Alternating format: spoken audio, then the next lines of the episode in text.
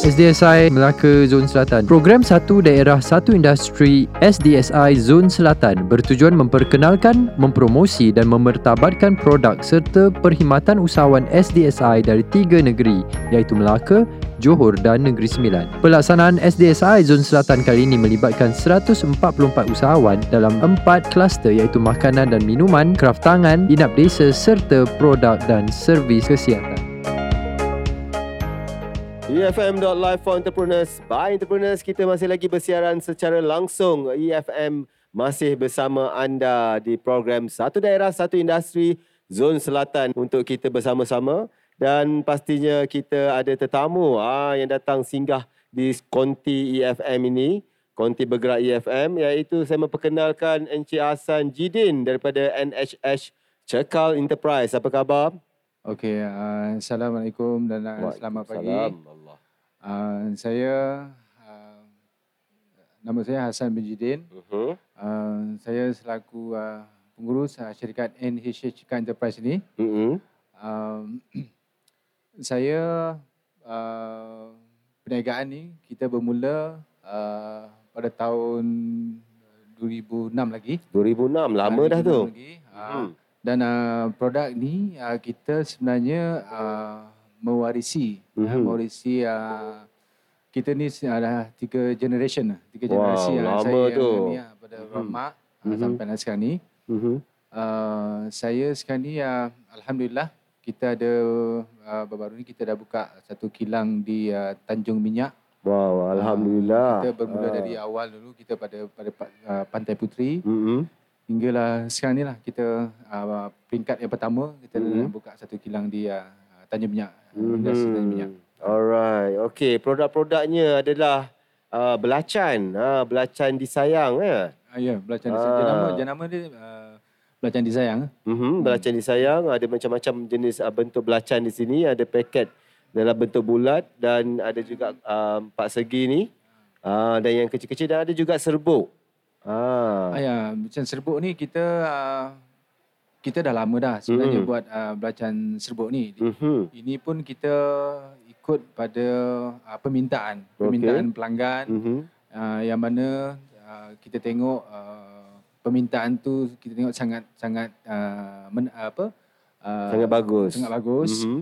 Dan uh, kita uh, cuba keluarkanlah. Uh, dan kita um, yakin benda ni uh, memang insyaallah boleh pergi boleh pergi jauh, jauh. sebab yalah makanan uh, belacan ni adalah salah satu makanan asas sebenarnya kan? Ya, untuk masakan asas, kan? Uh, untuk kalau nak masak di rumah ke di kedai ke atau di mana mesti guna belacan untuk menyedapkan ya, lagi makanan. ya, alright dan kita juga ada cencaluk di sini.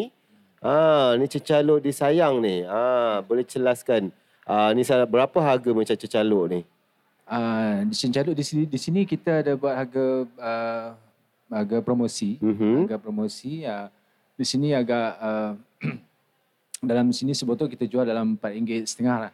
RM4.5 uh, di luar harga, harga di luar ke atau di sini? Harga di luar lah. Harga di harga luar, di luar RM4.5 setengah. Harga, harga sorry harga di luar di RM4 setengah macam tu lah. Mm-hmm. So harga promosi hari ni kita insyaallah kita rasa bagi harga yang uh, harga borong lah daripada mm-hmm. kilang. Berapa tu? tu. Uh, kita buy carton. Oh, satu oh, by carton. ada 24 uh-huh. Ah, kita harga biasa harga borong daripada kilang kita bagi dalam 70 75 lah, macam tu. Lah. Okey. Lah. Jadi tapi kalau nak beli satu-satu ni boleh lah. Ya, kalau nak boleh yang beli sesuatu pun kita ada jual juga. Uh-huh. Uh, kita ada jual dalam ah, macam contoh macam belacan yang berat 100 gram tu. Uh-huh. Uh, kita jual dengan harga di sini RM1.50 RM1.5. RM1.5. Ha, setengah. Ha, okay. Jadi kalau kat luar tu saya rasa dalam RM2 kot dia jual. Hmm. Di mana banyak uh, di mana boleh dapatkan produk-produk ni? Adakah di pasar raya ataupun dah ada ada di uh, kedai-kedai runcit?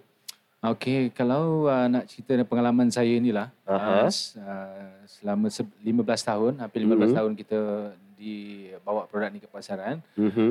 Saya ni uh, market saya ni uh, banyak pada uh, kedai-kedai pasar segar dan runcit mm. dan restoran uh, apa ni uh, muara ikan bakar gitu oh, kan. Okey. Uh, dan uh, tidak tidak uh, ketinggalan juga kita uh, masih dalam perancangan untuk masuk ke uh, Maidin semula. Mm-hmm. Uh, Sebelum ni pernah masuk Maidin? Ya, kita ada masuk uh, produk kita di Maidin. Mm-hmm. Uh, Jajasko mm-hmm. dan uh, semalam eh semalam kita pergi uh, jumpa uh, ke business matching. Okey. Uh, saya uh, minta lah uh, kita minta kalau dapat uh, pihak uh, Tesco mm-hmm. uh, apa nama ni uh, Lulu kan saya mm-hmm. cakap uh, hypermarket ni. Okey. Insyaallah semalam kita dalam perbincangan saya rasa insyaallah uh, dalam uh, tahun ni juga saya rasa kita dapat Alhamdulillah. Ha insyaallah. Okey, kita sekarang ni banyak strategi marketing yang ada, teknik-tekniknya kan. Jadi, um, Cik Hassan dan juga NNH, NHS Cekal ni, macam mana strategi marketing dilakukan daripada awal bisnes hingga bertahan sehingga hari ini, sejak tahun 2006 lagi kan? Ha, jadi, macam mana uh, strategi marketing yang dilakukan untuk memastikan produk dan jenama ni terus kukuh di pasaran? Uh, yalah, sedia maklum saya mm-hmm. uh, setahu saya lah. Okey. Ini produk makanan uh, ni dia uh, uh, banyak banyak yang kita kita tahu. Mm-hmm. Uh, uh, belacan ni uh, bukan bukan satu uh, apa nama ni uh, yalah ni produk tradisional. Mm-hmm. Uh, kegunaan ni pelanggan ni yang kita tahu di uh, isteri rumah lah isteri rumah yang hmm. uh, isteri rumah yang banyak gunakan uh, hmm. belacan ni dan uh, dari segi market tu hmm. dari segi market tu kita uh, uh, banyak lah Ah kita kita pun direct ada hantar sendiri. Mm-hmm. Gunakan uh, teknologi seperti Facebook, Instagram apa semualah. Ah, ya, ya, okay, alright. Okay, ni mesti udang dia menggunakan udang kan bahan-bahannya kan. Okey, di mana dapatkan sumber udang? Ada pembekal daripada ni daripada uh, Melaka sini ataupun dibawa daripada luar negeri Melaka sini? Ya, dulu kita ni uh, saya ni uh, buat sendiri. Kita mm-hmm. pada A sampai Z. Okey. Uh, dulu kita beroperasi di Pantai Puteri. Mm-hmm. Uh, memanglah kalau ikutkan uh, uh, udang ni bermusim. Betul. Uh, di hmm. udang ni bermusim. Hmm. Macam macam saya sekarang ni uh, alhamdulillah kita dah pergi ke uh, 8 tan ke 10 tan hmm. dalam masa dalam 3 minggu macam hmm. tu kan. Jadi agak mustahil lah kalau seandainya kalau saya sendiri kata saya ambil dekat uh, Pantai Puteri. Hmm. Uh, benda ni memang tak mencukupi untuk kita ambil market. Hmm. So benda ni kita ambil uh, secara kat luar lah. Hmm. Uh, kat luar uh, uh, yang ada sijil halal ni lah. Hmm. Ha, itulah. Itu yang kita Okey, ni dah ada CJ halal, dah ada mesti. Lengkap lah ni sebenarnya. Ya, yeah, macam ni. Okey, alright. Okey, cabaran. Cabaran dalam melaksanakan bisnes ni. Pasti semua usahawan ada cabarannya kan?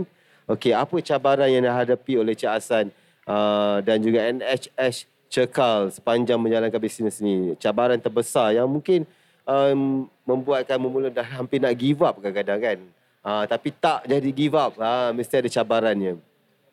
Ah, yalah, pada sekali ikut uh, uh, cabaran ni, persaingan ni memanglah kita tahu kan semaklum. Hmm. Semua peniaga semua ada cabaran. Betul. Semua ada cara masing-masing. Hmm. Macam mana kita nak mengatasi cabaran ni. Hmm. Yalah, untuk utama macam uh, kita ni uh, biasalah dalam kekangan apa uh, segi keuangan tu kan. Eh. Hmm. Jadi kita pun ada juga uh, kita meminjam uh, apa agensi agensi kerjaan hmm, contohnya adalah agensi-agensi membantu agensi yang membantu dan hmm. juga kita uh, bank uh, contohnya hmm. kan agro bank Betul. sekarang ni ada hmm. buat uh, untuk mendapatkan uh, apa nama ni uh, sijil halal kita ni hmm. okey alhamdulillah jadi bermakna apa pun cabaran yang datang kita kena tumpui dan sentiasa positif ya yeah. ha mesti ada jalan penyelesaiannya ha jadi tak boleh give up alright ha ni soalan terakhir saya nak tanyakan okey bagaimana jika orang ramai ingin mendapatkan produk ni? Saya pun sangat mengalu-alukan. Eh. Mm-hmm. Macam saya ni uh, seorang pengusaha dan pengedar. Mm-hmm. Eh. Uh, mana yang pada saya yang uh, produk usaha, uh, berminat, usahawan yang berminat untuk uh, nak dipasarkan produk tu, mm-hmm. insyaAllah boleh jumpa saya. Untuk jadi ejen uh, uh, boleh jadi, uh, atau distributor boleh, uh, ataupun jadi, uh, ni boleh semua? Uh. Mm-hmm. Dan uh, setakat ni produk yang kita bawa usahawan kita ni uh, macam kenalkan uh, apa nama Ininang, mm-hmm. uh, Haji Rahman, mm-hmm. uh, Gula Melaka, lepas tu uh, Kuar Rojak. Mm-hmm. Uh, tu itu uh, di samping tu saya saya inilah uh, mm-hmm.